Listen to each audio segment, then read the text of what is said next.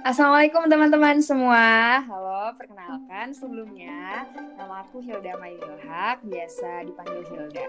Di sini aku adalah salah satu bagian dari Dongeng Project ini. Hmm, pasti teman-teman mikirkan, mikirkan, mikirkan apa sih emang Dongeng Project itu apa? Terus bakal dengerin apa aja sih di podcast ini? Oke, sebelumnya aku bakal ngasih sedikit informasi mengenai Dongeng Project ini. Jadi, Dongeng Project ini adalah komunitas atau platform yang bergerak di bidang pendidikan. Uh, dengan slogan kami Tell and Share, besar harapan kami bisa bercerita serta berbagi dari dan untuk generasi muda. Keren banget ya sih? Iya, emang harus keren. Nah, dengan kerennya, as, dengan indahnya tujuan-tujuan Dongeng Project ini, pasti kalian penasaran kan siapa orang di balik project ini. Di sini aku udah sama foundernya langsung nih ada Kak Wira. Halo Kak. Halo, halo. Boleh dong Kak kenalan kenalan dulu gitu, kenalin diri dulu Kak Wira nih siapa sih gitu. Oke, sebelumnya makasih nih ya udah dibuatin podcast nih buat episode pertama Dongeng Projectnya. Sebelumnya kenalin aku Wira Purnama Rizky, biasa dipanggil Wira. Sekarang masih mahasiswi sih di Ilmu Komunikasi UPN Veteran Yogyakarta. Oh, oke okay, oke. Okay. Di Jogja ya, Kak? Iya, bener. Oh, aku lupa nih, kayaknya yang uh, eh, MC-nya ini atau host-nya ini belum perkenalan gak sih tadi? Oh iya. Makasih loh udah diingetin. Sebenarnya tadi iya. mau pede aja gitu langsung nanya. Oke okay, teman-teman semua, jadi aku aku itu di sini sebagai staff konten kreatornya Kak Wira nih. Cuman ya kita di sini sama-sama belajar lah ya kan di dongeng project ini walaupun aku lebih tua umurnya, tapi pengalaman oh, iya. Kak Wira nih wah luar biasa banget kan. Aku masih kuliah juga kok Kak, masih kuliah kan semester satu juga. Cuman bedanya oh, di semester satu gitu ya. banget loh tuanya. Tadi aku udah manggil kak Wira nih di depan. Iya bohong banget ya. Ya. Eh sebelumnya mau tahu sih pengalaman pengalaman kamu tuh apa sampai kamu tuh berani buat suatu komunitas ini gitu? Oke. Ini aku jadi malahan manggil kak ya ke idenya hostnya ini. Gak apa-apa. Iya ya, jadi pengalamannya tuh sebenarnya kalau dibilang di bidang dongeng sendiri ya kan namanya dongeng project. Pasti orang langsung ngehnya tuh dongeng. Kenapa sih dongeng kayak gitu. Karena uh, sebenarnya emang aku punya pengalaman dongeng ya terutama di storytelling. Waktu since aku SMP gitu aku sering ikut storytelling competition kayak gitu kan. Jadi SMA juga memperdalam. Terus sering juga ikut uh, eh, SMA itu banyak banget kayak event-event nasional yang anak-anak SMA se Indonesia gitu kan. Nah dari situ kayak aku ketemu banyak-banyak orang hebat kayak anak-anak SMA yang dari berbagai daerah tuh udah ngediriin komunitas inilah atau ngikutin event ini atau dapat beasiswa segala macam. Terus aku ngerasa kayak ketika aku udah ikutan semua itu, ngerasa aja kalau nggak memberikan sesuatu ke lingkungan sekitar tuh kayak apa ya? Ada yang kurang, ada yang kayak kok ilmunya buat diri sendiri ya nggak dibagi ke orang lain. Jadinya bikin deh sebuah komunitas yang tujuannya tuh buat pendidikan Indonesia karena aku benar-benar fokus waktu SMA itu di, di dua bidang pendidikan dan lingkungan. Cuman akhirnya waktu kuliah aku lebih milih untuk fokus ke pendidikan kayak gitu. Oh gila-gila keren banget sih. Mantap luar biasa. Kalau nggak salah nih ya Wir kayak pengalaman kamu banyak banget kan itu boleh dong diceritain pengalaman yang paling bikin hati kamu tergerak lah buat kamu menekuni di bidang pendidikan ini gitu. Oke, kalau pengalamannya yang apa ya, yang ngena banget sampai yeah. pengen diriin ini tuh waktu hmm. ini sih sebenarnya aku baru kepilih programnya tuh ini yang sekarang aku baru pilih tahun ini tuh jadi pengajar jelajah Nusa jadi oh. itu programnya Ultra Milk kerjasama bareng Indonesia mengajar kayak gitu kan. Oh. Tapi aku udah udah nyoba daftar itu dari aku kelas 11 SMA atau kelas 2 SMA gitu aku udah coba daftar cuman kan pendaftaran pendaftarnya itu sampai berapa ya 6.000 sampai 7.000 wow. orang itu baru tahun ini bisa kesampaian. Karena apa ya melalui program itu banyak banget hal-hal yang bisa aku lakuin kayak gitu. Berbagi dengan anak-anak di pelosok negeri yang selama ini akses pendidikannya tuh masih kurang dan kita bisa berbagi. Nah dari situ dari program PJN ini aku kayak tertarik banget gitu loh. Pengen membantu pendidikan Indonesia yang melalui platform ini kayak gitu. Oh gitu. Oh kamu dulunya daftar IM IM juga. Oh IM kan harus lulus ini ya harus lulus kuliah kan ya? Mm. IM tuh? Oh iya. oke mantap sih mantap. Hmm, terus eh, orang-orang di balik dongeng project ini kan pasti nggak nggak satu kampus mungkin ya sama kamu. Kayak oh bisa mempertemukan Mm-mm. mereka terus ngebangun dongeng project ini gimana awal awalnya tercetus kayak gitu? Hmm, awalnya tuh kayak ini nih, kayak aku tuh eh, apa ya di masa pandemi ini tuh ngerasa kan kita tuh gabut banget gitu kan, kayak gak ada kerjaan gitu loh. Apalagi abis kuliah kemarin selesai libur, aduh ngapain ya, ngapain? Sebenarnya eh, rencana buat ngediriin komunitas itu udah dari lama, udah dari lulus SMA gitu ya, pengennya kuliah sambil ngediriin sebuah komunitas kayak gitu kan. Cuman pas pandemi kemarin pas libur ini kok kepikiran aduh sekarang aja sekarang aja ya tanpa kayak nggak ada rencana. Padahal kan masih lama gitu mungkin semester berapa. Cuman kok kayak gabut ya bikin kegiatan lah bareng teman-teman kayak gitu kan biar biar nggak gabut banget kayak gitu. Terus akhirnya ngecoba kontakin ini nih teman-teman deket dulu. Jadi kayak mau nggak ya mereka nih buat gabung? Takutnya kan cuman Oh, aku iya, iya, sendiri yang semangat kayak gitu.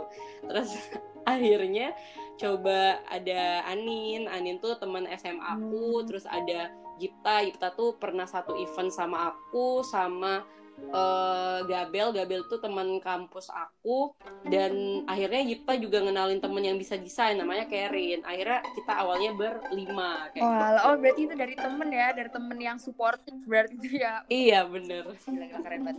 Soalnya juga aku ini bahkan aku nggak tahu awal gimana ya. Aku taunya tuh bukan aku nyari gitu, aku tahu dari teman-temanku yang dia daftar volunteer sampai wow dongeng project ya pasti uh, pertama kali aku juga mikirnya oh iya nanti aku bakal baca dongeng gitu kan. Terus aku lihat Instagramnya tuh kan foundernya pedongeng gitu kan. Saya kayak wah ini cocok banget kayaknya aku bakal baca dongeng nih setiap hari. Gitu. Eh pas aku lihat di bidang pendidikan, oh iya masih masih kekeh nih. Oh iya dongeng itu di bidang pendidikan kok. Iya dongeng masih akademik akademik lah pas wawancara.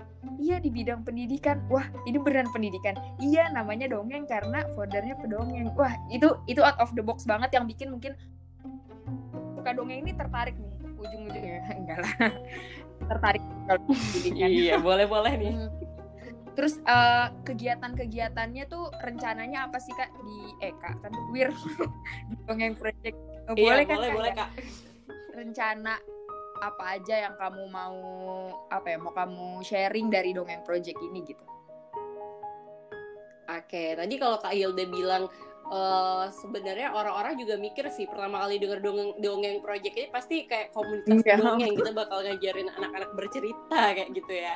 Tapi iya itu salah satu kegiatan kita nantinya sebenarnya ini komunitas kayak gitu. Ini komunitas yang base-nya on Yogyakarta karena aku kuliah di Jogja kan. Cuma sekarang karena kita lagi situasinya eh, pandemi kayak gini, ini dijadiin platform jadi semua anak-anak di berbagai daerah tuh bisa gabung kayak gitulah volunteering ya istilahnya kan.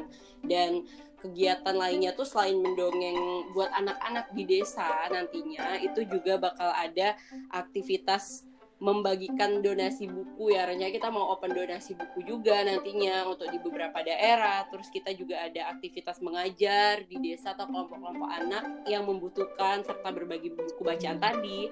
Terus ya mimpi besar aku untuk komunitas ini adalah bisa mendirikan pondok atau rumah Wah, baca banget. kayak gitu kak. Cuman iya cuma itu masih impian jauh lah untuk nanti. Masih berjalan ya kita untuk meraih suatu impian itu keren banget Iya benar. Ya. Tapi gini nih karena eh, karena sekarang tuh pandemi pasti kegiatan kayak gitu kan mengumpulkan iya. masa banyak ya. Jadi takut lah eh, takut ada apa-apa. Jadi ya kita beralih menjadi platform pendidikan di mana kita bisa menyediakan wadah untuk generasi muda berbagi, bercerita ya salah satunya dengan kegiatan Oh, oh. webinar, terus talk show segala macam kayak gitu. Oke, ih mantep banget sih itu kalau udah jadi rumah bacanya luar biasa.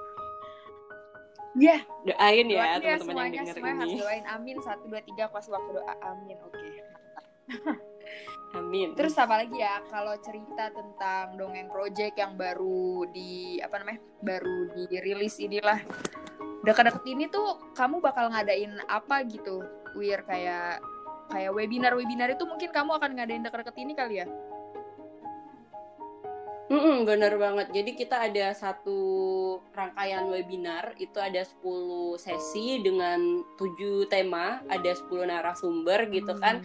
Namanya Inspiring Festival. Itu di tanggal 17 sampai 6 September. Jadi itu dengan berbagai tema, dengan berbagai sesi. Jadi teman-teman bisa milih nih mau ngikutin tema yang beasiswa kah atau tema yang uh, wirausaha atau tema yang duta bahasa atau tema Pancasila kita juga ada di tanggal 17 sekaligus memperingati hari kemerdekaan. Jadi benar-benar bisa belajar dari pemateri yang keren-keren abis pastinya. Oh bayar nggak tuh? Bayar nggak? Orang-orang kan kayak oh gratis dong. emang iya, iya. gratis tuh teman-teman semua. Udahlah kalian tuh di rumah doang dengerin. Ah itu paling paling cakep pokoknya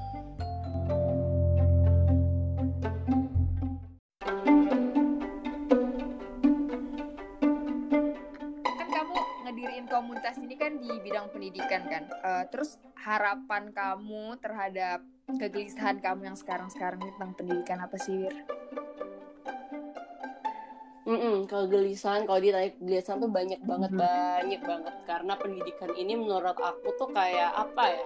Salah satu yes, kunci lah buat keberhasilan uh, keberhasilan seseorang, keberhasilan sebuah negara. Entah itu nanti bisa dilihat dari kualitasnya gimana kan seseorang itu ya dari pendidikan itu kan. Cuman aku ngerasa kayak pendidikan Indonesia ini terlalu banyak pihak-pihak yang bukan cuman pemerintah, bukan cuman orang-orang, tapi adalah pihak-pihak yang kayak nggak mau bekerja sama nggak mau bersinergi untuk pendidikan itu sendiri kayak gitu ya misalnya nih kayak ada kebijakan baru dari pemerintah tetap aja ada yang pihak yang tuh protes kayak gitu ya protes kebijakan ini nggak bagus lah kebijakan ini nggak cocok lah.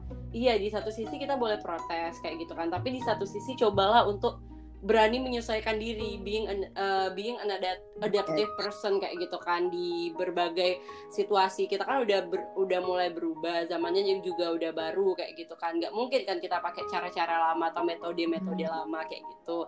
Terus ada ada sisi yang lain juga nih. Ada sisi yang lain ngelihat bahwa oh iya kebijakan ini tuh nggak cocok diterapin karena emang keadaan di daerah satu dengan yang lainnya itu juga beda kayak gitu kan.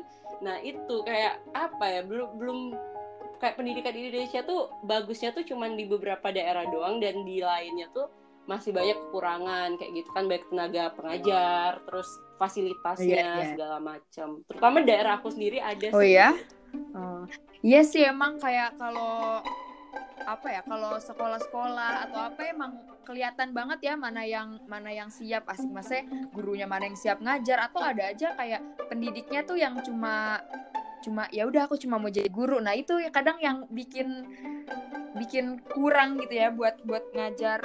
Gimana sih aku ngomong? Kayak gitulah Iya bener bener banget. Terus ini juga nih apa uh, sebenarnya menurut aku nggak apa-apa sih kita nggak kritik atau apa, tapi setidaknya kita masuk dulu ya ke sistemnya, maksudnya bukan bukan kita cuma lihat mm -hmm. dari luar, abis itu kita kritik gitu kan, kayak dia kan nggak tahu al nah apa ngasih kebijakan A kebijakan B kalau kitanya nggak masuk dalam sistemnya itu sendiri ya kan iya benar kita tuh nggak mau yes. mencoba gitu bener. ya bisanya cuma mengkritik itulah orang Indonesia nggak apa-apa hmm. tapi ya apa lah emang beda-beda. Oke okay, nice banget nih keren banget founder dari dongeng project kayak ini. Apalagi dia punya kita punya kodiat kita punya tujuan-tujuan baik yang uh, ke depannya mungkin teman-teman yang lain juga bisa bisa merasakan, insya Allah bisa merasakan uh, visi misi kita sepanjang jalan. Asik sepanjang jalan kenangan. Enggak lah. Uh, boleh kita hibur dulu? Uh, harapan buat pemuda-pemudi nih queer dari kamu. Kelas mungkin Oke, kalau dari aku sendiri sih karena aku bagian dari pemuda-pemudi itu sendiri sebenarnya nggak usah muluk-muluk ya karena aku juga bukan siapa-siapa ini. Jadi nggak usah menggurui. Apa ya teman-teman tuh sebenarnya bisa sih maksudnya nggak perlu kita ngomongin aku pengen berkontribusi lah ke ke negara ini dengan cara bla bla bla jangan dulu mikirin kontribusi sumpah kontribusi itu kalau menurut aku sebuah kata yang Iya. berat loh karena kontribusi itu udah berarti memberikan banyak hal gitu lah ya cuman cobalah untuk berbagi. Nah kan berbagi itu kan bagian dari kontribusi. Jadi kayak berbagi dengan cara apa pun. Nggak harus mendirikan komunitas nggak harus eh, nggak harus apa ya sampai memberikan sumbangan yang berapa besar ke mana-mana gitu. Enggak cobalah kayak dari hal terkecil. Misalnya kayak kalian belajar dengan rajin kayak gitu ya. Terus kalian kalian apa ya kalian bisa eh, mematuhi peraturan pemerintah kayak gitu. Misalnya di masa pandemi ini gitu-gitu kan. Itu udah bagian dari berbagi kok untuk Indonesia kayak gitu. Nggak cuma di bidang pendidikan banyak hal gitu ya kak. Termasuk iya. kakak juga ya yang udah mau gabung di dongeng project ini. Itu salah satu Kontribusi ini loh. ya. eh, kontribusi buat buat negara ini lah ya melalui dongeng project. Amin. Amin. Ya sih benar banget. Semua orang itu berhak dan bisa lah ya berkontribusi sekecil apa pun. Yang penting dia ikhlas ngejalanin ya kan. iya Bu. Oke, makasih banyak ya Wir buat waktunya buat ngejelasin ke aku dan sebenarnya apa makna di balik dongeng project, apa tujuan baiknya dongeng project semoga segera nggak usah segera tapi terrealisasikan dengan jalan yang mulus gitu kan. Walaupun pasti ada kerikil-kerikil dikit tapi pasti bisa lah. Oke, Amin. buat teman-teman semua, kalian pasti penasaran eh, setelah ini itu kita bakal ngeluarin podcast apa? Podcast dongeng kah? Podcast bercanda kah? Bercanda-canda bersama kalian atau podcast yang kita undang narasumber terbaik sejagat raya ini? Pokoknya kalian eh, kalian harus dengerin lagi. Ini karena ini masih episode pertama dengan judul Lahirnya Dongeng Project. Asik, judulnya di belakang kalian keren banget gak sih nih hostnya? Nah, kalian eh, bisa bisa apa ya bisa jadi orang yang bermanfaat lah buat sekitar buat bangsa negara dan agama yang pasti. Terima kasih semua teman-teman. Sampai jumpa